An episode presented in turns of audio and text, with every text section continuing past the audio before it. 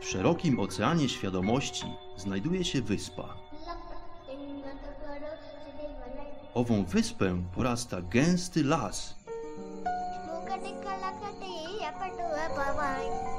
W dalekiej głębi tego właśnie lasu znajduje się słoneczna polanka.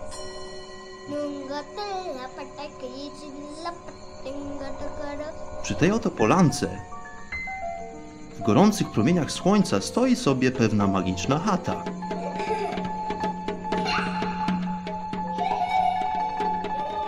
Właśnie tam żyje pewien mistyk.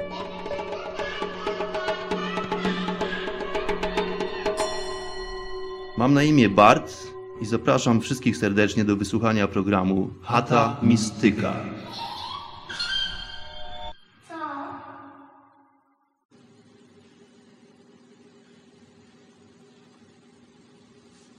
Pozdrawiam wszystkich bardzo, bardzo serdecznie.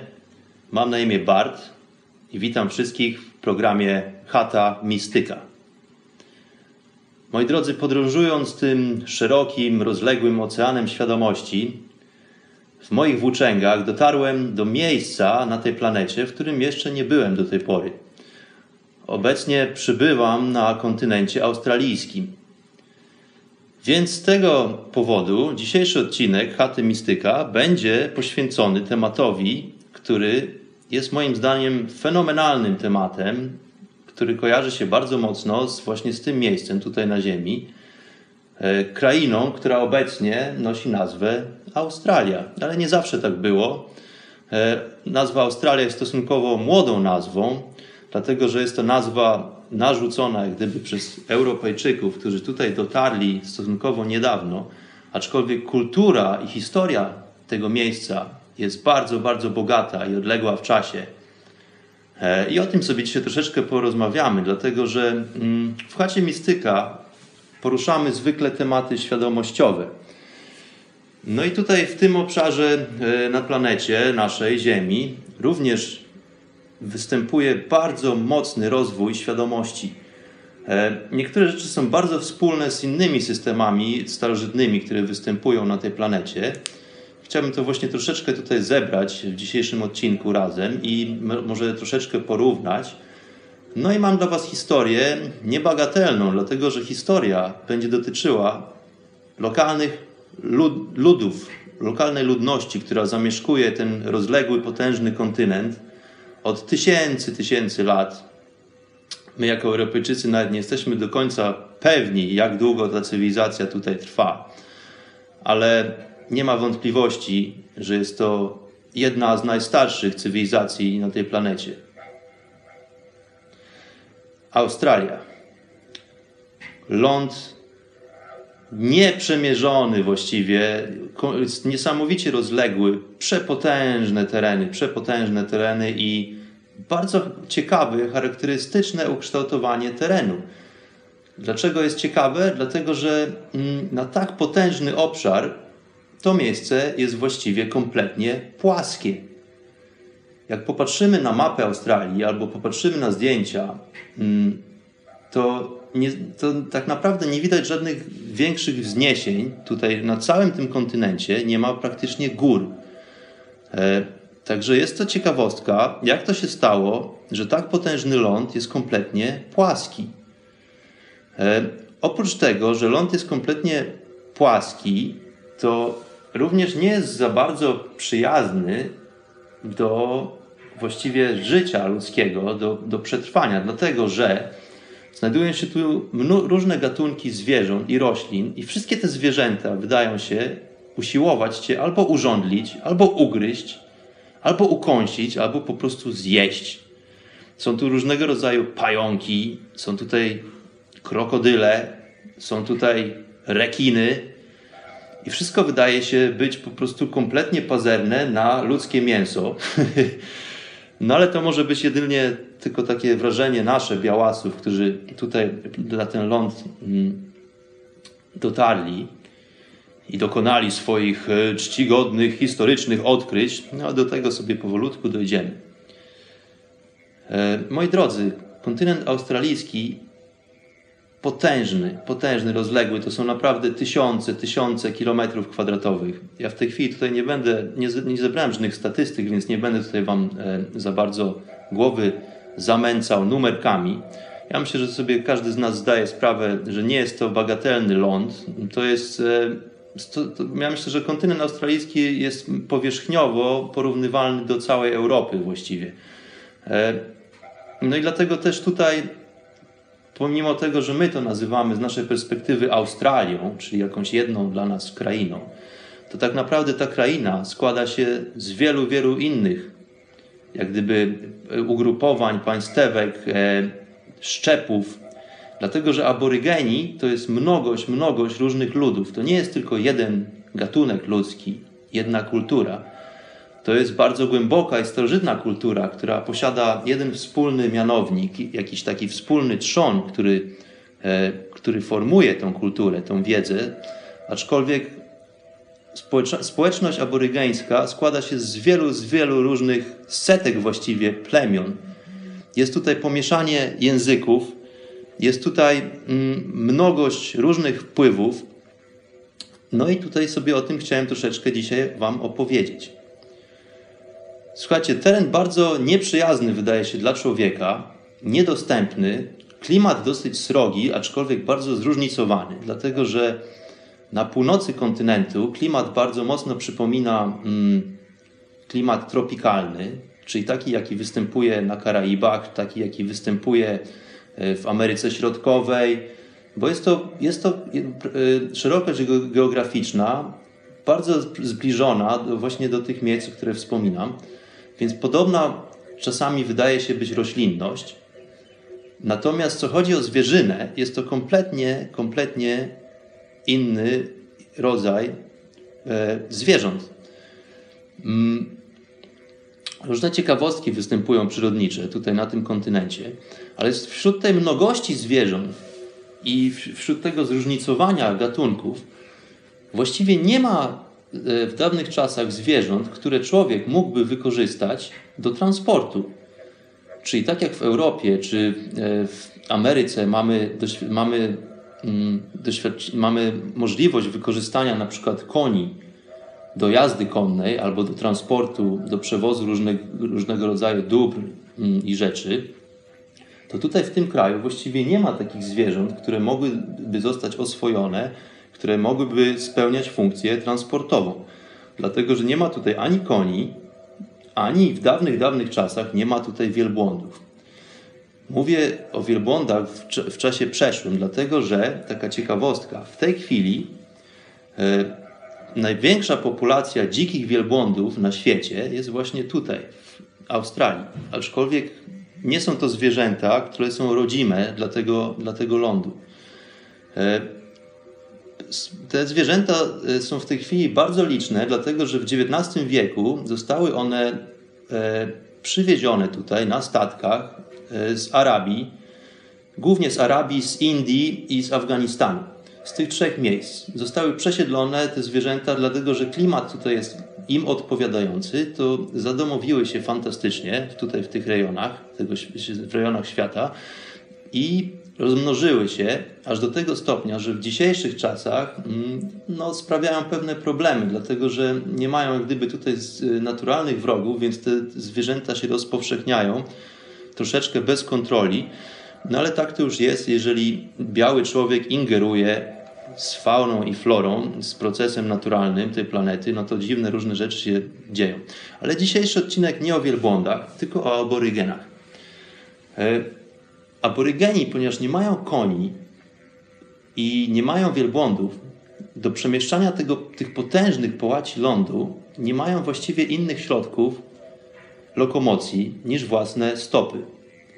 Więc e, muszą stworzyć pewne systemy, pewne sposoby podróżowania po tych rozległych lądach, które opierają się tylko i wyłącznie na sile ich własnych nóg. E, więc aby przemieszczać się z jednej części tego, tej rozległej krainy w inną część tej krainy, e, aborygeni w dawnych czasach podążają pewnymi szlakami podróżniczymi, które to zostały od tysięcy, tysięcy lat utworzone i utrzymywane.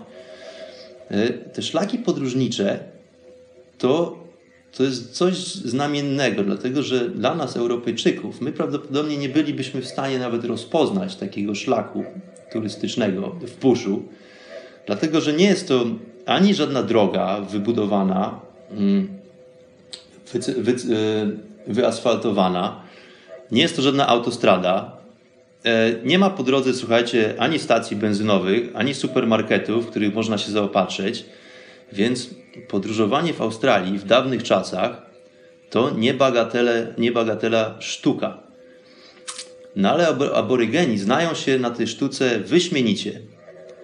E, powstają więc odpowiedniego rodzaju szlaki podróżnicze, które głównie przebiegają wzdłuż naturalnego ukształtowania terenu, e, ponieważ aborygeni potrzebują do nawigacji też pewnych charakterystycznych e, punktów znajdujących się w terenie, dlatego że, tak jak mówię, teren rozległy i właściwie większość, większość tego kontynentu to takie pustkowie.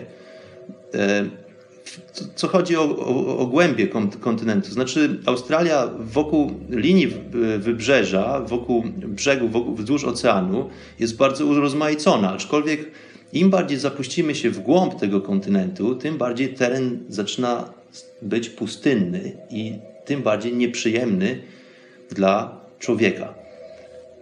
Więc aborygeni w, dalszych czas, w dawnych czasach podróżują sobie wzdłuż takich swoich właśnie ustalonych e, szlaków komunikacyjnych. No i głównie podróżują metodą z buta. A nie jest to nawet metoda z buta, dlatego że aborygeni butów nie noszą. Ale świetnie sobie radzą z tymi tysiącami kilometrów, które przebywają własnymi stopami. No i w tym procesie powstawania tych szlaków również zachodzi pewien proces wymiany informacji, dlatego że tak jak wspomniałem, aborygeni to nie jest tylko jeden lud. To są setki plemion i setki różnych dialektów, setki różnych języków, więc muszą aborygeni posiąść umiejętność komunikowania się z obcymi ludami, z obcymi szczepami. Również uczą się, jak wymieniać informacje.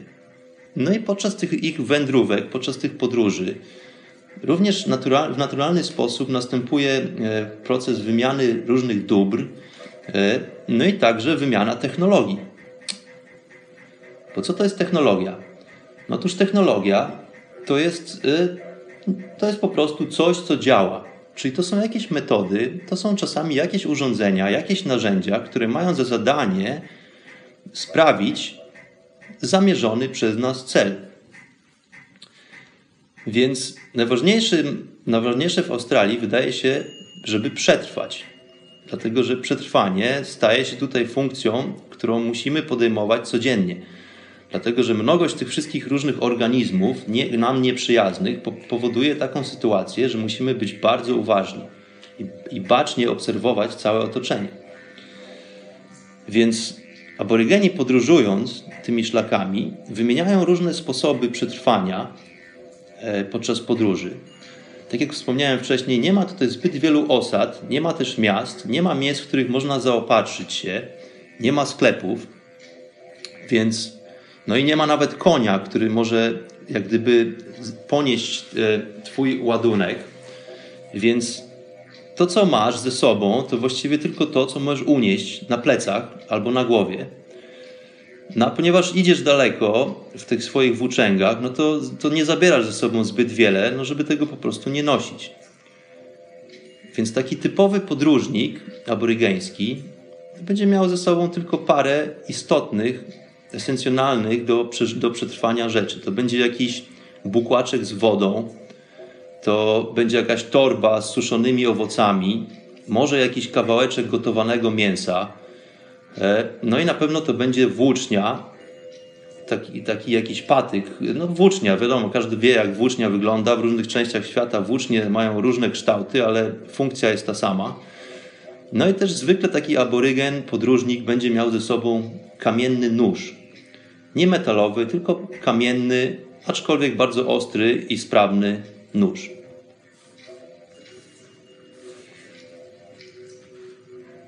Podczas tych wędrówek aborygeni wymieniają swoje doświadczenia E, tak, tak samo rozpowszechnia się pewien etos mitów. Wymieniane są opowieści, tym samym rozpowszechnia się kultura aborygeńska. No i podczas e, tych podróży aborygeni znajdują pewne, e, podczas, większość tych szlaków krzyżuje się w jakichś miejscach, prawda? Więc powstają pewne, pewnego rodzaju osady, e, może, nie, może osady to nie jest dobre słowo, powstają węzły takie podróżnicze, takie węzły komunikacyjne, gdzie spotykają się ludzie z różnych części krainy, którzy podróżują, też udają się w różnych, w różnych kierunkach. No i w tych takich właśnie węzłach komunikacyjnych e, można na przykład handlować dobrami z, z różnymi innymi szczepami. E, można spotykać się z, z, z, innymi ludźmi, można wymieniać informacje. E, jednym z takich bardzo powszechnych miejsc, takich i znanych w historii i tradycji aborygenów jest pustynia Simpsona. To jest takie miejsce, gdzie właśnie, gdzie, przez które przechodzi mnóstwo tych szlaków takich komunikacyjnych. No i tam też wydaje się być jedna z takich większych, powstać jedna z takich większych kolebek kulturowych, kultury. E, oprócz tego, że są właśnie te węzły takie podróżnicze, komunikacyjne, jest też na drodze mnóstwo tak zwanych miejsc mocy. Aborygeni, starszyzna często opowiada o, o miejscach mocy, które powiązane są z odpowiednimi, mm, z, z bardzo szczegółowymi miejscami e, w, w, terenie. To są to zwykle mm, miejsca opisywane jako święte miejsca. E, no i podczas tych wędrówek aborygeni szerzą sw swoją kulturę, wymieniają się informacją, przekazują sobie pewnego rodzaju opowieści, które są mityczne. A opowieści te opowiadają o doświadczeniach spoza tej rzeczywistości. To są opowieści, które opisują przodków.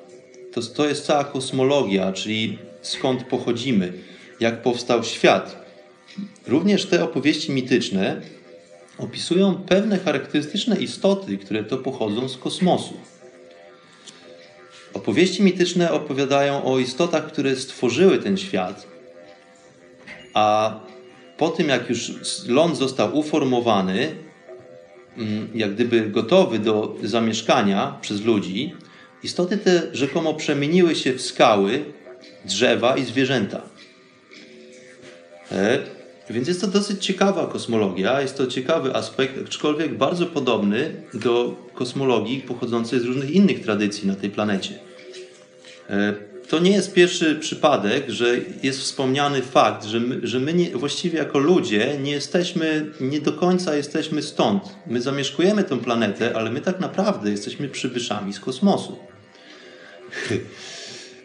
Więc e, jest, jak jesteś takim aborygenem w dawnych czasach, podróżujesz, podróżujesz sobie przez te takie nieprzystępne e, obszary i połacie lądu, to to, co masz ze sobą, to nie są właściwie przedmioty, ale to jest tak naprawdę to, co jest najbardziej istotne, to jest Twoja wiedza. Jesteś częścią natury, więc, więc sobie radzisz właściwie w każdej sytuacji, mm, dlatego że właśnie Cała ta kultura polega na wymianie tej informacji i opowiada o tym, jak żyć w zgodzie z naturą, raczej niż e, przeciwko naturze. Więc jesteś częścią tej natury, a nie jest to jak gdyby tylko i wyłącznie walka i, i próba przetrwania z dnia na dzień. Więc e, również znasz się na pogodzie, mm, znasz się na wszystkich warunkach klimatycznych, umiesz nawigować, i potrafisz nawigować właściwie i w dzień, i w nocy, dlatego że aborygeni świetnie znają się na gwiazdach na konstelacjach, e, więc podróżowanie nocą nie jest żadnym problemem. E, obszar jest bardzo rozległy, więc potrzebujesz takich narzędzi do nawigacji, żeby po prostu nie zabłądzić, albo żeby nie spędzić na przykład e, parę dni idąc w złym kierunku. Znasz się też na sezonach, w zależności od tego, w którym miejscu Australii jesteś, występuje pora sucha, pora deszczowa, no i parę różnych innych zjawisk klimatycznych. Co jeszcze? No, jako taki aborygen wiesz dużo o zwierzętach, wiesz na pewno bardzo dużo o roślinach, znasz się doskonale na ziołach, bo zioła to są twoje lekarstwa. Tutaj nie ma supermarketu, gdzie można kupić sobie aspirynkę na ból głowy, mm, ani nie ma apteki. Po prostu wszystko, co jest potrzebne, znajduje się wokół ciebie, tylko musisz mieć umiejętność, żeby, żeby te przedmioty znaleźć, żeby je rozpoznać i żeby wiedzieć, w jaki sposób je wykorzystać. No i wśród tej mnogości ziół jest takie zioło w Australii, które występuje bardzo powszechnie właśnie wzdłuż owych szlaków turystycznych, że tak powiem, komunikacyjnych. A tu warto wspomnieć, że niektóre, też, niektóre z tych szlaków to tak naprawdę istne autostrady. Autostrady dlatego, że normalnie to jest tak, że mm, idziesz sobie tą pustynią, tą prerią parę tygodni, no i właściwie nikogo nie widzisz. Mm, nie ma żadnego innego człowieka. I to jest taki zwykły szlak. No, idziesz parę tygodni, mm, jesteś albo sam, albo z małą grupą swoich przymierzeńców, y, swoich braci. Mm, no i właściwie nikogo innego nie spotykacie na tej drodze. A autostrada to będzie też taki szlak, tylko że różnica jest taka, że, że normalnie na autostradzie spotykasz człowieka powiedzmy raz na tydzień. Więc taki szlak zostanie nazwany autostradą, ponieważ jest tam po prostu ludzie tym, tymi, szlak, tymi miejscami mm, się przemieszczają w tą i z powrotem. No i to jest już taka wtedy autostrada. To jest taka droga szybkiego ruchu. No i wzdłuż tych dróg szybkiego ruchu jest taki fenomen, że jest pewna roślina, która jest bardzo mocno ceniona, jest bardzo mocno rozpowszechniona e, wzdłuż tych dróg. I o tej roślinie dzisiaj chciałem troszeczkę Wam opowiedzieć. E, tak to już jest, moi drodzy, że właściwie jak popatrzymy na tę planetę, gdziekolwiek e, pojawia się pewnego rodzaju gwałtowny rozwój myśli czy świadomości, tam, gdzie istnieją środki wpływów kulturowych, tam też są w użyciu różnego rodzaju substancje, które to umożliwiają nam, ludziom, swoistego rodzaju wgląd w istotę rzeczy, można by powiedzieć. E, zwykle to są rośliny, bardzo często są to grzyby. Mm, natura już postarała się mm, o to, aby w różnej formie, w różnych częściach świata były dostępne dla nas swego rodzaju klucze. Są to klucze, które otwierają przed nami bramy percepcji. Tutaj warto wspomnieć, że mm, jak przywołuję metaforę bramy, to można sobie wyobrazić, że sama brama to już jest właściwie jakiegoś rodzaju forma przeszkody, prawda? Więc po wyeliminowaniu takiej przeszkody mamy swobodny dostęp do czegoś tym przypadku do świadomości, do rzeczy samej w sobie. Czyli jeżeli jesteśmy w stanie odnaleźć, rozpoznać klucz i wiedzieć i wiemy, jak wykorzystać ten klucz, no to jesteśmy w stanie otworzyć takową bramę. Brama to jest tylko metafora. Mam nadzieję, że tutaj wszyscy to doskonale rozumieją. E, klucz jest również metaforą. Chodzi o to, że na tej planecie rosną w różnych miejscach, na tej, w różnych miejscach tego świata mm, rośliny, które, które powodują pewien inny ogląd naszej sytuacji, naszej rzeczywistości i powodują gwałtowny rozwój świadomości ludzkiej. No i tutaj, moi drodzy, w Australii znajduje się taka roślina, takie bardzo cenione przez aborygenów zioło, e, które nazywane jest ziołem pituri. E, właściwie pituri to nie jest tylko jedno zioło, za chwilę o tym powiem. Jak, jak pierwsi, Europejczycy, pierwsi Europejczycy przybyli tutaj do Australii w XVII wieku, to od razu zauważyli, że jest to coś bardzo istotnego dla lokalnych ludzi, dlatego że zawsze mają to przy sobie no i zawsze tego używają. Jest to przez nich bardzo cenione i właściwie jest to tak cenne, że są w stanie mm, za to zioło oddać wszystko inne, co mają przy sobie. Po prostu są w stanie wymienić to na to właśnie cenne pituri. E, więc Europejczycy zaczęli prowadzić badania. co to jest, o co w tym wszystkim chodzi. Więc e, pierwsi naukowcy mm, rozpoznali tą roślinę jako rodzaj, jako rodzaj tytoniu. Ale nie do końca byli pewni, jak to wszystko działa, dlatego że ten tytoń zawierał w sobie nikotynę, ale to nie były jakieś, jakieś duże ilości nikotyny, tak jak w liściach tytoniu, które znane nam są e, w Europie, te, które przyjechały z Ameryki Południowej. E, no ale co, to się, co się okazuje? To nie jest właśnie tylko, to nie jest tylko jedna roślina. Aborygeni wykorzystują liście tego zioła, ale mieszają te liście z popiołem drzewnym. I to nie jest jakiś tam jakikolwiek popiół drzewny. Do, spalają y, drzewa, spalają drewno akacji i eukaliptusa po to, żeby osiągnąć ten popiół do, do pomieszania z tymi liśćmi pituri.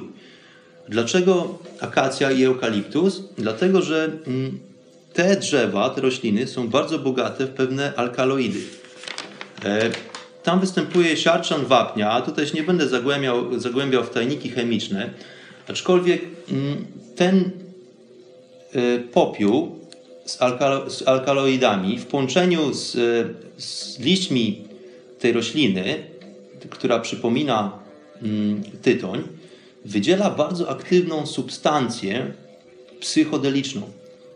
To nie jest nikotyna, to jest inna substancja, która się wytwarza. E, no i to jest właśnie owy klucz do świadomości, do zrozumienia otoczenia, do, do zrozumienia rzeczywistości. E, to mi bardzo, to mi od razu narzuca na myśl, e, to mi narzuca na myśl ayahuaskę z Ameryki Południowej, dlatego że również mamy tutaj do czynienia z dwoma składnikami. I pod, w, podobnie jak ayahuasca, która jest, e, która, jest połączeniem dwóch roślin, to jest to, jest to wywar e, z liany, z pewnego określone, pewne określone liany pochodzącej z Amazonii i e, wygotowanej w towarzystwie liści innego, innego krzaka wydziela E, DMT, czyli bardzo psychoaktywną substancję, która powoduje alternatywne stany świadomości. I żadna z tych roślin e, spożyta oddzielnie nie przynosi takiego efektu, nie ma właściwie żadnego rezultatu, natomiast tylko i wyłącznie po długo, wielo, wielo, wielogodzinnym gotowaniu w jednym kotle jedna roślina aktywuje drugą i powstaje bardzo bardzo potężna, magiczna substancja. I podobnie jest tutaj w Australii. Pituri to właściwie nie jest tylko i wyłącznie roślina tego tytoniu, tylko są to liście, w, kontakt, które są wymieszane e, z popiołem eukaliptusa albo z popiołem akacji. I właśnie to jest tak bardzo istotne w kulturze aborygenów. E, dlatego, że mm, jest to, powoduje, jest to substancja, która powoduje bardzo szczególny stan umysłu. Mm. No i ten stan umysłu aborygeni nazywają śnieniem. E, tutaj jest troszeczkę problem z tłumaczeniem na, e, ani na język polski, ani język polski, ani język angielski właściwie mm, nie posiada słów takich w swoim słowniku, które dokładnie można by przetłumaczyć na, na to słowo, które używają aborygeni, a w, a kiedy opisują ten stan umysłu. Aczkolwiek ja tutaj, ja mi się wydaje, że najbliższym takim skojarzeniem e, będzie, jeżeli będę używał słowa śnienie. Jeżeli mówię śnienie, to nie mam na myśli mm, spania. To nie, jest, to nie chodzi tutaj o to, że idziesz do łóżka, kładziesz się i masz w nocy sny. I rano się budzisz i możesz opowiedzieć e, sny komuś. To bardziej chodzi o stan umysłu, mm, w którym następuje pewien fenomen. Jest to, to nie jest spanie, ale to jest stan, który aborygeni określają stanem pomiędzy snem a jawą. Jest to bardzo specyficzny stan, w którym to mm, jesteś w stanie, przynajmniej aborygeni twierdzą, że są w stanie kontaktować się z przodkami, ze swoimi przodkami, a tym samym są w stanie połączyć się z całą naturą i z, i i z całym stworzeniem.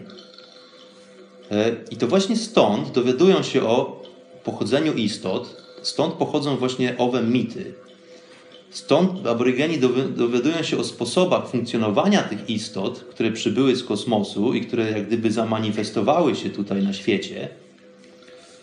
No i dzięki Piturii aborygeni są też w stanie dostroić się do kosmicznej melodii i w pewien sposób widzieć, czyli mają widzenia.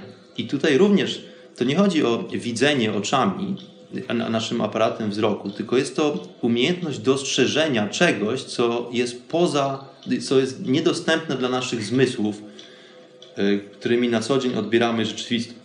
Przepraszam, rzeczywistość. E, widzenie, czy też to śnienie, jest to sposób odbioru rzeczy takimi, jakimi one są tak naprawdę. Czyli nie, to, nie takimi, jakimi się nam jawią, tylko takimi, jakimi są. E, więc jest to swoistego rodzaju umiejętność przenikania do przedmiotów, powiedziałbym. Mm, to jest to również pewnego rodzaju forma współistnienia ze światem.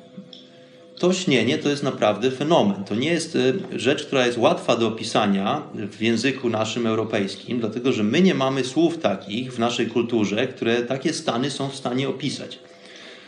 No ale wydaje mi się, że śnienie w języku polskim będzie dosyć e, dobrym tutaj określeniem. E, no i to śnienie jest e, zarazem sposobem na podłączenie się jak gdyby do takiej głównej biblioteki wiedzy o wszystkim. Wiedzy o świecie, wiedzy o wszechświecie. To mi troszeczkę przypomina Akash, czyli w tradycji jogińskiej taka centralna biblioteka, E, do której dostęp mamy poprzez, e, poprzez swoją świadomość. Jest to, jest, to, jest to sprawa bardzo mistyczna, jest to sprawa metafizyczna, ale jeżeli, jesteśmy, jeżeli mamy umiejętność e, takiego transcendentnego wzniesienia się ponad rzeczywistość fizyczną, no to mamy również umiejętność, która powoduje, że mamy dostęp do pewnego rodzaju informacji, która to jest to taka pula informacji, która zapisana jest w formie energetycznej. Ja wspomniałem o tym wcześniej przy okazji opowieści o, o pierwszym joginie, o Adi Yogim i o sławetnej górze Kailash, gdzie Adi Yogi zakodował wiedzę o wszechświecie w górze, w formie góry. No i to zrobił to w bardzo specyficzny sposób, dlatego że zrobił to e, nie napisał ani żadnej księgi, ani nie pozostawił żadnej opowieści, tylko po prostu zapisał całą tą swoją wiedzę, całe to swoje doświadczenie w formie energetycznej. No więc znowuż, y, jeżeli mamy swego rodzaju klucze świadomościowe, to jesteśmy w stanie taką informację odczytać. Jeżeli mm, jesteśmy podatni, wyczuleni na te, tego typu y, y, historie energetyczne, to są rzeczy, których według Adiogiego każdy z nas ma do nich predyspozycję Niektórzy trochę bardziej, niektórzy mniej, aczkolwiek każdy ma szansę, żeby taką informację posiąść i odczytać. No i podobnie jest tutaj w Australii. E, aborygeni mówią o podłączaniu się do pewnej wspólnej biblioteki wiedzy o planecie, o wiedzy o przodkach i, o, i, i potężnej wiedzy kosmologicznej o tym, jak powstał cały świat właściwie.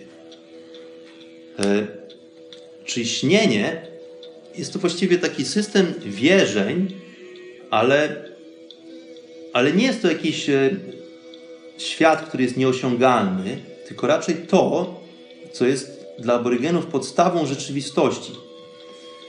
E, to jest potężna wiedza, która mówi o pochodzeniu człowieka i zwierząt, ale również jest, jest to pewnego rodzaju fenomen, który łączy w sobie przeszłość i teraźniejszość oraz przyszłość. Dlatego, że aborygeni mówią również o czasie snu. E, w języku angielskim to jest dream time, ale również mm, to angielskie słowo nie, nie jest adekwatne do tego, mm, co opisują aborygeni.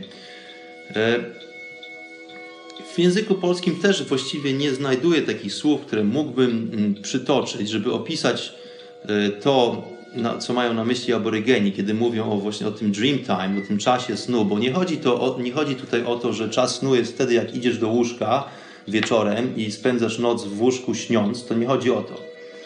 E, Aborygeni wierzą, że, że są bezpośrednimi potomkami duchów, które zamieszkiwały Ziemię dawno, dawno temu. E, utożsamiają oni owe duchy ze swoimi przodkami. Poszczególne szczepy, bo tak jak wspomniałem, jest tutaj mnóstwo nacji, mnóstwo szczepów, mm, mają swoje totemy. Y, co to jest totem? Totem to jest y, taka reprezentacja w postaci zwierzęcia, wizerunku jakiegoś zwierzęcia. Zwykle jest to jakiś lokalny gatunek, który występuje na danym terytorium, na danym obszarze krainy. No i tam właśnie zamieszkuje sobie szczep. Ten szczep mm, tworzy sobie takiego rodzaju totem. E, jest to koncept dla Europejczyków dosyć obcy, bo to nie chodzi o, o jakieś figurki, jakieś rzeźby, do których, y, do których się aborygeni modlą, tylko jest to wizualna reprezentacja e, jak gdyby historii pochodzenia danego szczepu. Czyli na przykład e, na przykład znajdziemy, na przykład będą ludzie węże, albo będą ludzie krokodyle, czy też ludzie mrówki, albo ludzie rekiny. No i o co tutaj chodzi? Nie chodzi tutaj o to, że, że aborygeni wierzą, że pochodzą bezpośrednio od węża. To, to nie są głupki, pomimo tego, że tak biały człowiek na nich patrzy. Mm, to nie jest żadna, słuchajcie, te, teoria ewolucji w stylu Darwina.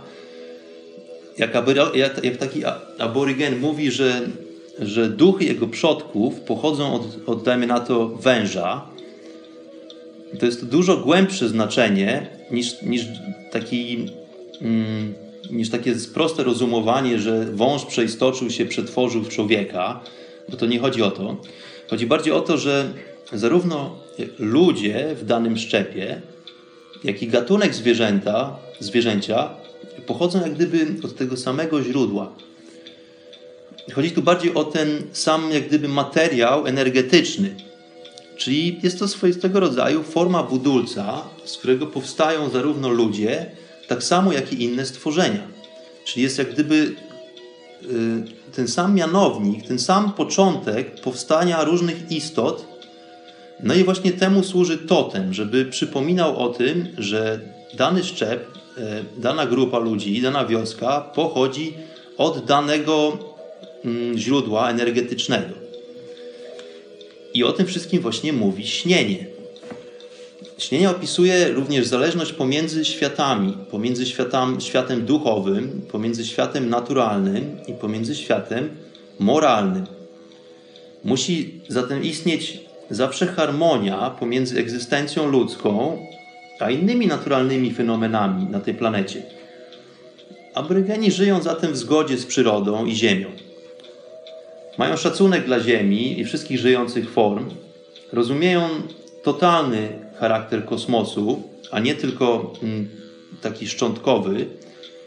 Rozumieją również rolę ludzkiego doświadczenia na tej planecie. Oni po prostu wiedzą, skąd są i dlaczego tutaj są. I to też nie jest właściwie wiedza, a nazwałbym to wiedzeniem, bo to nie jest y, to nie jest coś, co można wykuć na pamięć, to nie jest coś, co można przeczytać w książce. Wiedzenie to jest coś, co mm, nie następuje, coś, co nie jest kompletnie związane z żadnym procesem czasowym. To jest takie olśnienie właściwie. Wiedzenie to można określić takim, mm, takim słowem jak olśnienie. E, bo aby to zrozumieć, to trzeba się po prostu w tym kompletnie zanurzyć to nie jest tak, że ktoś ci o tym może opowiedzieć, albo że możesz przeczytać o tym gdzieś, tylko po prostu w tym kompletnie musisz być, żeby to zrozumieć. No i aby pamiętać o tym widzeniu, o tym fenomenie, aborygeni przekazują sobie ustne, ustne opowieści z pokolenia na pokolenie, przekazują sobie historie i mity, śpiewają pieśni, no i uczą się bardzo charakterystycznej sztuki. E, uczą się e, sztuki mm, takiej i obrazkowej, i wizualnej, czyli swoistego rodzaju specyficzny design, można by powiedzieć. No i podczas tych swoich podróży z, e, pieszych wymieniają sobie i przekazują sobie właśnie te wszystkie informacje. Uczą się również, jak malować wzory na ciałach, które to pochodzą rzekomo od przodków. Aborygeni bardzo często mają ciała pokryte takimi charakterystycznymi wzorami, które są malowane na, na klatkach piersiowych i na czołach, i na ramionach popiołem odpowiednich roślin również. No i to znowuż, to nie jest żadna magia, tylko jest to forma technologii właściwie. Dlatego, że magia to jest jakieś. Mm, co to jest magia? No, magia to jest coś, mm, co jest niezrozumiałe. Widzimy jakiś fenomen, który, który powstaje, aczkolwiek nie rozumiemy, mm, jak to się dzieje, no i wtedy jest to okrzykiwane mianem magii. Natomiast różnica z technologią jest taka, że technologia to jest, to jest jak gdyby cały, to jest, to jest proces myślowy i to jest proces, który ma za, za zadanie doprowadzić y, y, swego rodzaju wydarzenia do skutku. No i po, aborygeni poprzez, po, w, poprzez odpowiednie mieszanki popiołów i ekstraktów różnych roślinnych aplikują sobie te różne malunki w określonych kształtach i miejscach na ciele. No i to jest technologia, dlatego że te malunki na ciałach Mm, mają za zadanie wywołać jakiś oczekiwany efekt. To nie jest żadna kwestia mody ani stylu, tylko po prostu jest to technologia. Oni to robią w pewnym określonym celu. To mi tutaj bardzo mocno przypomina też tradycję, która do tej pory istnieje w Indiach. Mm, w Indiach również stosuje się popiół, taki święty popiół, który, którym maluje się czoło. Popiół nazywa się vibhuti w e, tradycji jogińskiej. E, każdy, ja myślę, że e, większość z nas widziała Hindusa z czerwoną kropką na czole. Jest to też, podobny, jest to też podobna technologia. Mm, ta czerwona kropka to nic innego jak kurkuma, która aplikowana jest po środku czoła, w miejscu, gdzie istnieje tak zwane trzecie oko. No i tutaj podobnie w Australii aborygeni malując swoje ciała właśnie takimi, po, takimi popielnymi wizerunkami. No i dawno temu, w czasach tych e, głębokich rytuałów o, o bardzo znamiennym znaczeniu e, i podczas życia w doskonałej symbiozie z naturą, w tej całej harmonii, e, nagle pojawia się u wybrzeży tegoż to potężnego nie tylko rozmiarowo, ale i kulturowo lądu, pewien nieproszony gość. Po prostu pojawia się biały człowiek. Przypływają, moi drodzy, na statkach na początku XVII wieku Europejczycy. No i tutaj zaczyna się po prostu cały dramat. E, słuchajcie, pierwsze udokumentowane takie lądowanie Europejczyków mm, ja jestem przekonany, że, że Europejczycy byli tutaj wcześniej, ale pierwsze udokumentowane lądowanie w Australii to jest 1606 rok mm, i to byli Holendrzy. No, później e, były różne inne wpływy tutaj i właściwie i Portugalczycy byli, i Anglicy. Mm, cała po prostu plejada szubrawców i plądrowników i gwałcicieli, którzy tutaj w imię odkrywania nowych lądów i szerzenia mm, chrześcijaństwa po prostu tłukli wszystko, rżnęli i mordowali. No ale tego się nie, nie, w ten sposób się to opisuje w naszych książkach historycznych, z których e, dzieci się uczą w szkołach. No aczkolwiek mój punkt widzenia jest taki, że po prostu tutaj przypłynęli szubrawcy. Mm. No i był to pewnego rodzaju szok, dlatego że oni, że jest to kultura aborygeńska, jest tak bogata, kompletnie jest tak inna od tej kultury europejskiej naszej, że ci lokalni ludzie kompletnie nie, nie byli w stanie zrozumieć, o co tutaj w tym wszystkim chodzi.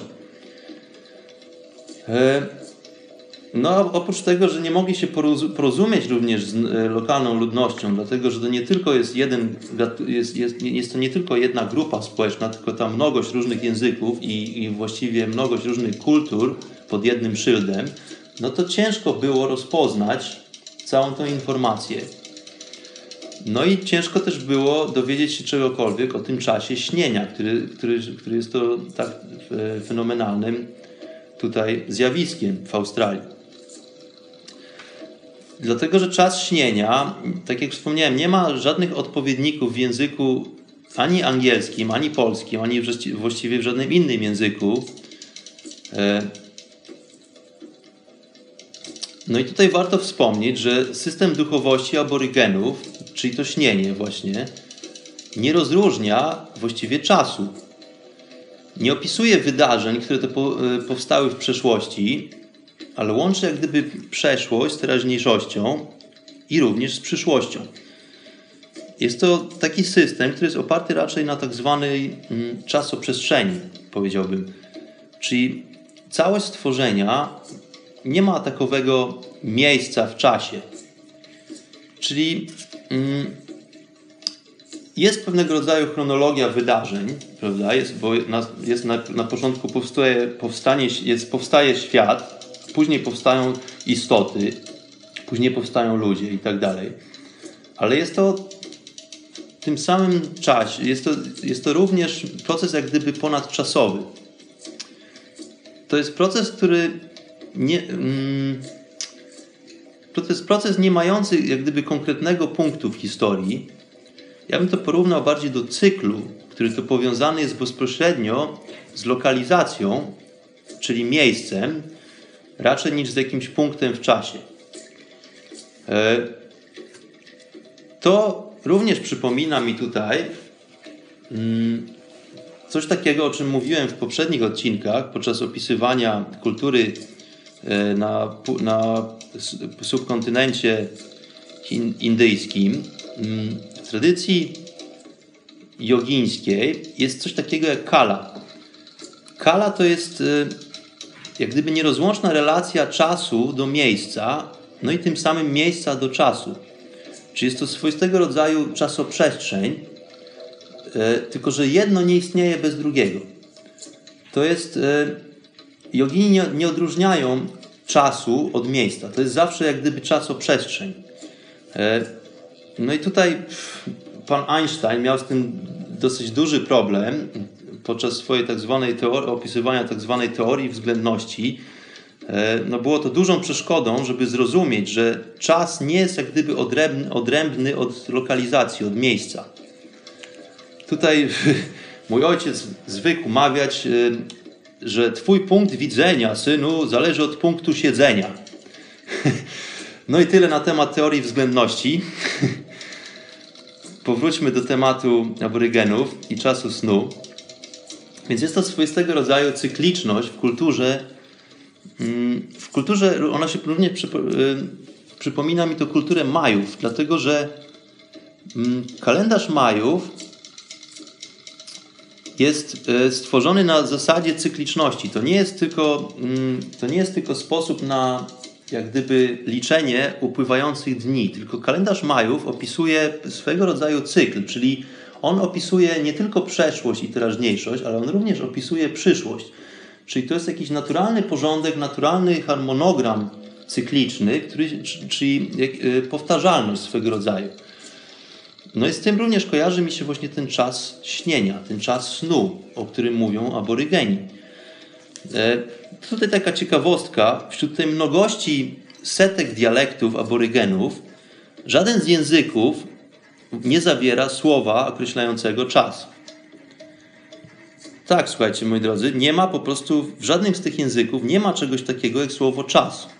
Jest, jest to koncepcja, która aborygenom jest kompletnie obca. Dlatego, że śnienie mm, zachodzi jak gdyby poza czasem. Śnienie jest to również umiejętność dla tych wtajemniczonych, którzy to wiedzą, jak posługiwać się kluczem, czy też kluczami. Jest to umiejętność poruszania się pomiędzy snem a rzeczywistością. Ale ta umiejętność jest zarazem, można by powiedzieć, aktem stworzenia. Czyli okazuje się tutaj, że, że to człowiek jest stwórcą. Czyli jak gdyby realizacja myśli sprawia stworzenie. Czyli jeżeli coś pomyślisz, to to właściwie jest. No i to jest również koncept e, białemu człowiekowi bardzo obcy, dlatego że w mitologii katolickiej, bo tak to nazywam, mitologia katolicka, jest to rzecz kompletnie obca, no bo, no bo gdzie tutaj miejsce dla Pana Boga, dla Pana Boga, jeszcze raz powtarzam, no gdzie tutaj cała historia z poddaństwem, mm, skoro nie ma, skoro nie ma czasu, tutaj również warto wspomnieć chrześcijański koncept nieba. Niebo, czyli jest to jak gdyby również świat duchowy, tylko że w tej kulturze chrześcijańskiej jest to świat duchowy, który jest tylko dostępny po śmierci. Czyli dla takiego zwykłe, zwykłego człowieka żyjącego na co dzień jest to po prostu sfera kompletnie niedostępna. E, jest to, jest to tylko. Jest, niebo jest tylko dostępne dla, dla ludzi po śmierci, prawda? E, nie masz w ogóle opcji, żeby doświadczyć takiego nieba podczas swojego życia. No i to jest właśnie ten powszechnie znany paradoks obietnicy raju albo groźby piekła po śmierci. No bo nic się nie wydarzy tutaj na tej planecie, zanim po prostu nie umrzesz.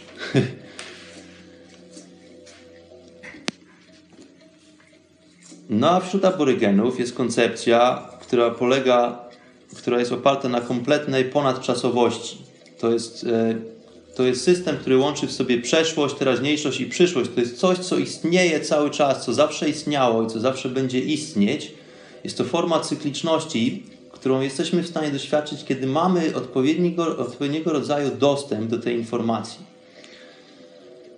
E, no więc przodkowie aborygenów, jak również ci, którzy doświadczają czasu snu w dzisiejszych czasach, e, po prostu tworzą istnienie, można by powiedzieć. Nie ma koncepcji czasu, więc musimy sobie uświadomić, że to my również jesteśmy tymi przodkami, o których mówią aborygeni. E, pierwotne istoty powstały i wędrowały po początkowo bardzo jałowych miejscach, według tradycji aborygeńskiej. Walczyły ze sobą i kochały, e, czy kierowały się różnymi uczuciami i emocjami. No i później stworzyły ukształtowanie terenu, sprawiły, że powstały góry, sprawiły, że powstały oceany. No i po dokonaniu tego dzieła stworzenia świata, według tradycji śnienia, te istoty które przypominam początkowo e, pochodzą z kosmosu, przemieniły się w skały, drzewa, no i części krajobrazu. I te właśnie miejsca nazywane są w tradycji aborygenów świętymi miejscami. Są one rozpoznawalne właściwie tylko dla wtajemniczonych, czyli dla tych, którzy znają tradycję śnienia, dla tych, którzy praktykują śnienie, te miejsca będą rozpoznawalne podczas podróży. Natomiast dla wszystkich innych, takich jak Europejczycy, szubrawcy, te miejsca są po prostu kompletnie nierozpoznawalne no i nie mają żadnego znaczenia. Więc to śnienie aborygeńskie jest formą właściwie takiego kompletnego przewodnika życia i żyjących. Jest to taka forma mm, encyklopedii świata, mógłbym, można by powiedzieć. I ta forma nie jest zapisana w formie, to nie jest, nie jest ona zapisana w formie książki, ale istnieje, jest przekazywana w formie sztuki malowanej, jest przekazywana w formie pieśni ludowych, w formie tańca, czy też bezpośrednio w formie ukształtowania terenu. Jest to koncepcja, która jest kompletnie dla nas obca, aczkolwiek moim zdaniem bardzo ciekawa, dlatego że mm, pozwala nam na zrozumienie e, kompletnego, kompletnie innego podejścia do, do procesów świadomościowych tutaj na, w, historii człowieka na tej planecie. E, dlatego, że Australia, pomimo że ląd tak potężny, to jednak troszeczkę odizolowany od reszty planety. No i ze względu na to właśnie powstały tutaj warunki, które sprawiły, że kultura rozkwitła e, w niebagatelnym stopniu, no i, że, i sprawiła również, że ta kultura jest tak różna, odmienna od, od innych e, przykładów rozwoju kultury na tej planecie, aczkolwiek wydaje się, że są pewne wspólne mianowniki, że jest pewien wspólny mianownik do systemu wierzeń, do systemu pojmowania rzeczywistości i roli samego człowieka mm, tutaj na, na tej planecie, są po prostu elementy wspólne z innymi różnymi kulturami, co moim zdaniem jest bardzo ciekawe, dlatego że ludzie, nie mając fizycznej możliwości jak gdyby mieszania się z innymi ludźmi na tej planecie, tworzą kulturę, która ma, ma mnóstwo wspólnych mm, elementów z kulturą chociażby mm, Majów w Ameryce Południowej, czy z kulturą Hindusów w Indiach. E, no i co to oznacza? Dla mnie to oznacza tylko tyle, że jest to po prostu wiedza prawdziwa. Dlatego, że skoro jest to wiedza pochodząca od źródła, a źródło nie jest książką, tylko jest jak gdyby odczuwaniem tego całego wszechświata, tej całej naszej egzystencji, no to to jest wiedza prawdziwa. E, tutaj wcześniej rozmawialiśmy sobie troszeczkę o prawdzie. Prawda to jest coś, co jest takim, jakie jest.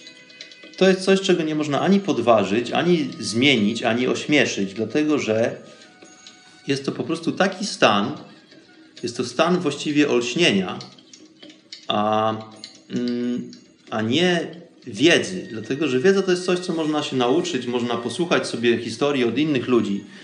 Olśnienie, czy też wiedzenie, to jest coś, co jest naturalnym, mm, jest, jest po prostu naturalnym aspektem naszej, naszego człowieczeństwa. Jest to coś, czego każdy z nas może doświadczyć, jeżeli tylko odpowiednio jesteśmy w stanie się nastroić. E, no a planeta cała natura postarała się już o to, żebyśmy mieli ku temu różne okoliczności, żeby też istniały różne rzeczy, które pomagają nam w rozszerzaniu tej kultury. E, ja to zwykle sobie tutaj się śmieję, nazywam sobie to piractwem, dlatego że moim zdaniem piractwo to jest taka forma troszeczkę na skróty. To znaczy, mm, to nie chodzi o jakieś plądrowanie i rabunki i e, pływanie statkiem, ale jest to świetna moim zdaniem metafora. Po prostu E, jeżeli znasz się na piractwie, no to wiesz, jak osiągnąć pewne rzeczy troszeczkę szybciej i może troszeczkę sprawniej, niż to następuje w takim zwykłym procesie uczenia się. Więc formą piractwa są bardzo często różnego rodzaju substancje psychoaktywne, które występują w naturalnej formie na tej planecie no i tak jak wspomniałem, tam gdzie, tam, gdzie mm, takie substancje są w użyciu, następuje bardzo gwałtowny rozwój kultury. Tam myśl człowieka wykracza poza, poza rzeczywistość i obserwację otoczenia. Tam myśl staje się abstrakcyjna, dlatego że co to jest abstrakt? No abstrakt to jest coś takiego, co właściwie nie pochodzi z naszego materiału pamięciowego, dlatego że My w procesach myślowych zwykle posługujemy się mm, tylko tym, co zgromadziliśmy z naszych doświadczeń, czyli to, co dostarczyły nam nasze zmysły, e, narząd wzroku, narząd słuchu, węchu, dotyku i smaku. E, jesteśmy w stanie te informacje w pewien sposób obrabiać, przetwarzać i akumulować mm, w formie pamięci. I my właściwie myśląc, funkcjonując w tym świecie, posługujemy się tylko takimi fragmentami informacji, które zaadoptowaliśmy sobie do pojmowania tej naszej rzeczywistości. No i oprócz tego jest to bardzo subiektywne odczucie naszej rzeczywistości, dlatego że my sobie sami wybieramy, która informacja jest dla nas użyteczna, a która informacja jest dla nas zbędna. Ta informacja, którą oceniamy za, jako zbędną, jest, jest bardzo szybko mm, usuwana jak gdyby z pamięci, znaczy ona tam trwa, tylko mm, my jak gdyby już nie mamy do niej dostępu.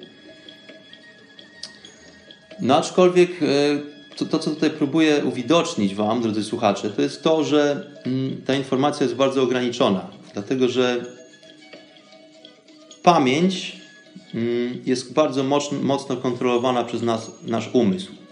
Tak jak wspomniałem wcześniej, człowiek, istota ludzka to nie jest tylko ciało, to nie jest tylko worek flaków. E, jest to również energia, jest to również, są to również emocje.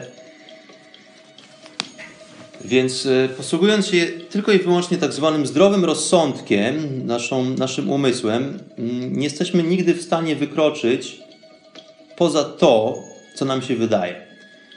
A to, co nam się wydaje, jest tylko potrzebne do przetrwania tego ciała naszego fizycznego, do tego naszego ciała jedzeniowego. Ja wspomniałem tutaj o tym e, w odcinku zatytułowanym Jedzenie, że w tradycji jogińskiej mm, to ciało nasze fizyczne jest e, pojmowane jako ciało jedzeniowe, dlatego że e, jedzenie to jest po prostu nasze otoczenie. To są cząstki naszego otoczenia, które my wkładamy do naszego organizmu po to, żeby tam zaszły później procesy różnego rodzaju, które, do, które spowodują, że będziemy mieli energię do funkcjonowania, no i oprócz tego będziemy mieli materiał budulcowy, który e, jest to w stanie zapewnić nam przetrwanie naszych tkanek i tak dalej. E, ale ponieważ nie jesteśmy tylko właśnie ciałem jedzeniowym, tym ciałem fizycznym, no to umysł działa w ten sposób, że nas bardzo ogranicza. Ta nasza inteligencja, z której jesteśmy tak bardzo dumni, mm, powoduje właściwie to, że stajemy się więźniami mm, samych siebie, dlatego że inteligencja to jest tylko to, co my nabyliśmy tutaj, będąc w takiej formie, w, w takim stylu, przejawiając się na tej planecie, w takich okolicznościach ta inteligencja i ten umysł nie są w stanie działać i funkcjonować w żadnych innych warunkach e, tutaj w tym wszechświecie. Ja myślę, że tutaj sobie powoli z tego wszyscy zdajemy sprawę, że jesteśmy ludźmi tylko dlatego, że pojawiliśmy się w tak bardzo specyficznych warunkach, e, w tak e, bardzo specyficznej części tego wszechświata, na planecie Ziemia. Z tego samego powodu ja uważam, że jesteśmy gatunkiem bardzo, bardzo mm, specyficznym i właściwie niepowtarzalnym.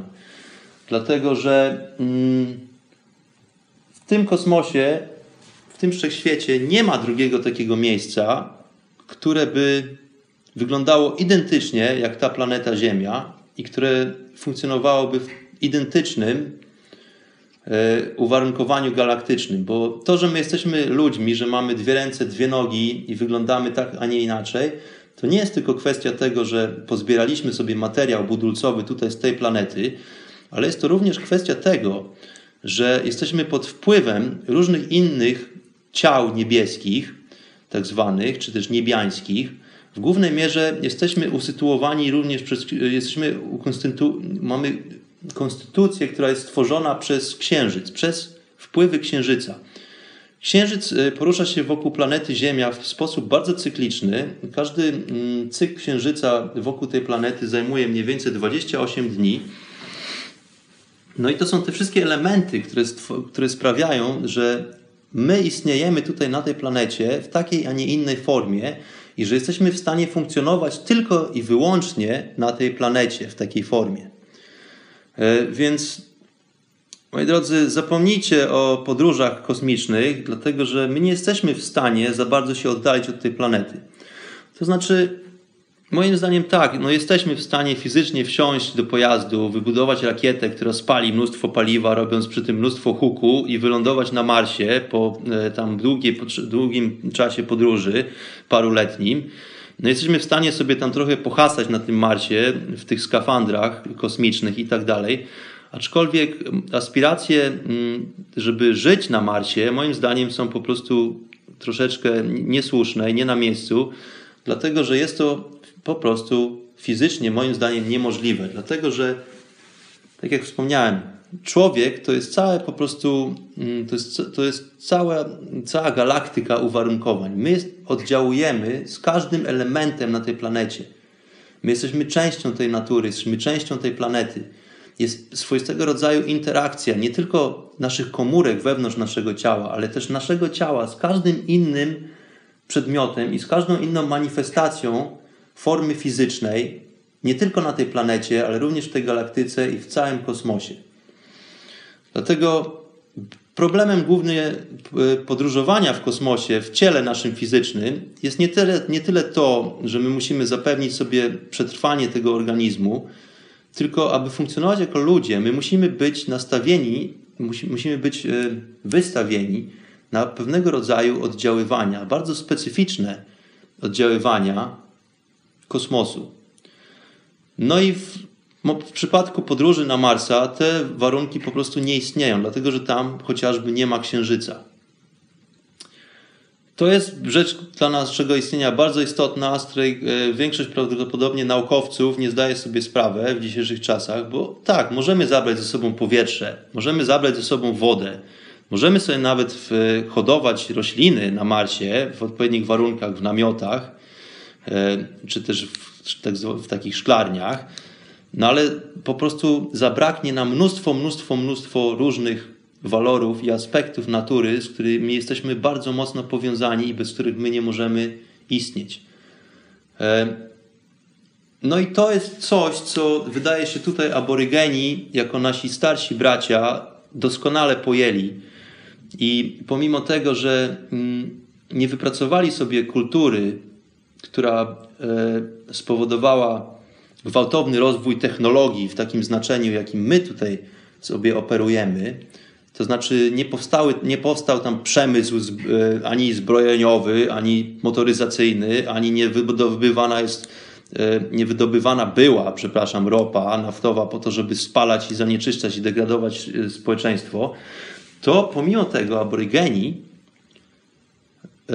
stworzyli bardzo silną, bardzo mocną technologię, która po prostu opisuje zupełnie inny, zupełnie inny aspekt funkcjonowania na świecie, dlatego że zapewnienie sobie przetrwania to, to, jest największy, to jest po prostu taka największa błahostka, jaka może być, dlatego że opieka nad tym workiem flaków chodzącym na dwóch nogach nie jest naprawdę aż tak trudna.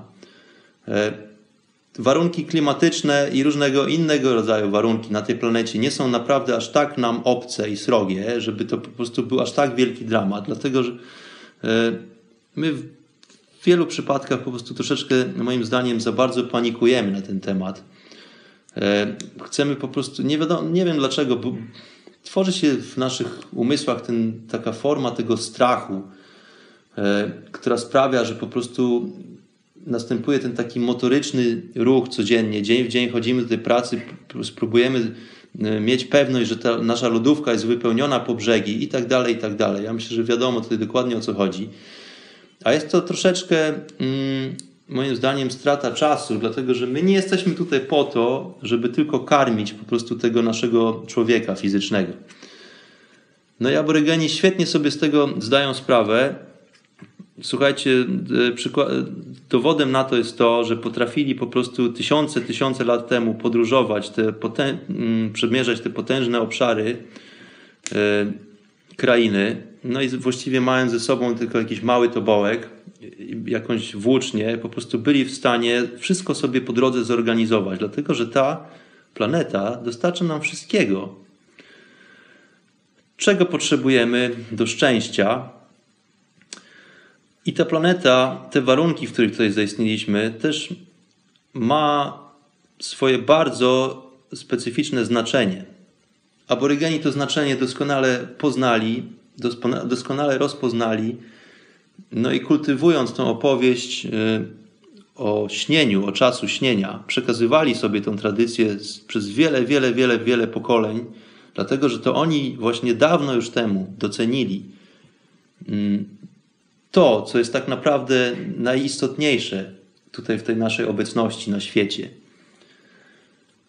E, a to, co najbardziej jest istotne dla człowieka, moi drodzy, to jest świadomość i swoistego rodzaju forma uważności. To są takie cechy, które zostały nam nadane jako pewnego rodzaju błogosławieństwo, i to jest największy cud w tym całym naszym istnieniu. E, żeby po prostu zdać sobie z tego sprawę, e, trzeba się na chwilę zatrzymać. To, to jest nie do końca oczywista rzecz, aczkolwiek mm, nie aż tak odległa. To jest rzecz, którą każdy, każdy z nas może doświadczyć. Mm, ja mówię tutaj nadal o tej świadomości, ale muszą być do tego stworzone swego rodzaju specyficzne warunki. To nie jest bardzo skomplikowana sprawa, aczkolwiek jest to sprawa wymagająca mm, pewnego rodzaju zadumy, pewnego rodzaju medytacji. Są tutaj na tej planecie w różnych kulturach różnego rodzaju narzędzia umysłowe, dlatego że jest to, tak jak wspomniałem, to jest, to jest technologia. To jest coś, co działa i to jest coś, co zawsze działa. Więc jeżeli wiemy, jak używać tych pewnych narzędzi umysłowych, to zawsze dojdziemy do tego momentu, kiedy odkryjemy tą prawdziwą naturę i, i znajdziemy odpowiedzi na te wszystkie nurtujące nas od wieków, wieki i od samego początku pytania. Kim jesteśmy, skąd pochodzimy i jaki jest cel tej naszej wędrówki. Moi drodzy, mam na imię Bart. Dzisiejszy odcinek poświęcony był Australii i opowieść była iście aborygeńska. Opowieść o czasie snu, opowieść o śnieniu. Mam nadzieję, że udało mi się tutaj parę rzeczy Wam przekazać, zainteresować Was mm, pewnymi histori historiami, aspektami. Zachęcam wszystkich do mm, poszukiwania informacji, do poszukiwania mm, świadomości, do, do rozszerzania świadomości. A na dzisiaj to tyle. Żegnam się z Wami. To był odcinek australijski, a ja tymczasem, borem lasem, słuchajcie, znowuż wsiadam do żelaznego ptaka, dlatego że przede mną kolejna podróż, dlatego kolejny odcinek Chaty Mistyka, prawdopodobnie nagrywany będzie znowu z innej lokalizacji. Lokaliza lokalizacja bardzo mi znana i lubiana, dlatego że wracam, moi drodzy, do Indii. Do tego miejsca, gdzie właśnie kultura i świadomość są bardzo, bardzo istotne i bardzo mocno pielęgnowane. I to jest miejsce, które jest dla mnie po prostu największą, najwyższą formą akademii i właściwie takiej sztuki e, na temat życia i naszego istnienia. Także wracam uczyć się troszeczkę więcej, dowiadywać się troszeczkę więcej o tej świadomości. No i mam nadzieję, że w najbliższym czasie znowu się usłyszymy i że znowu będę w stanie Wam przekazać jakąś ciekawą opowieść i zachęcić Was do żeglowania szerokim i bardzo głębokim oceanem świadomości. Pozdrawiam wszystkich serdecznie i zapraszam do kolejnego odcinka Chaty Mistyka pokój i miłość.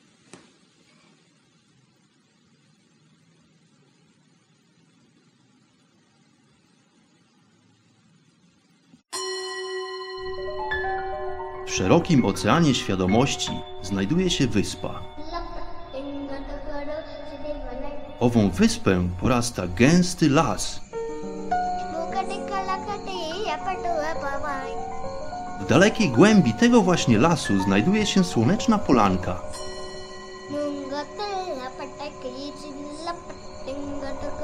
Przy tej oto polance w gorących promieniach słońca stoi sobie pewna magiczna chata.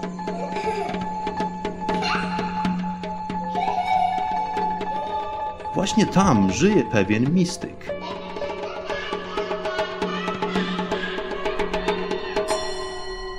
Mam na imię Bart i zapraszam wszystkich serdecznie do wysłuchania programu Hata Mistyka.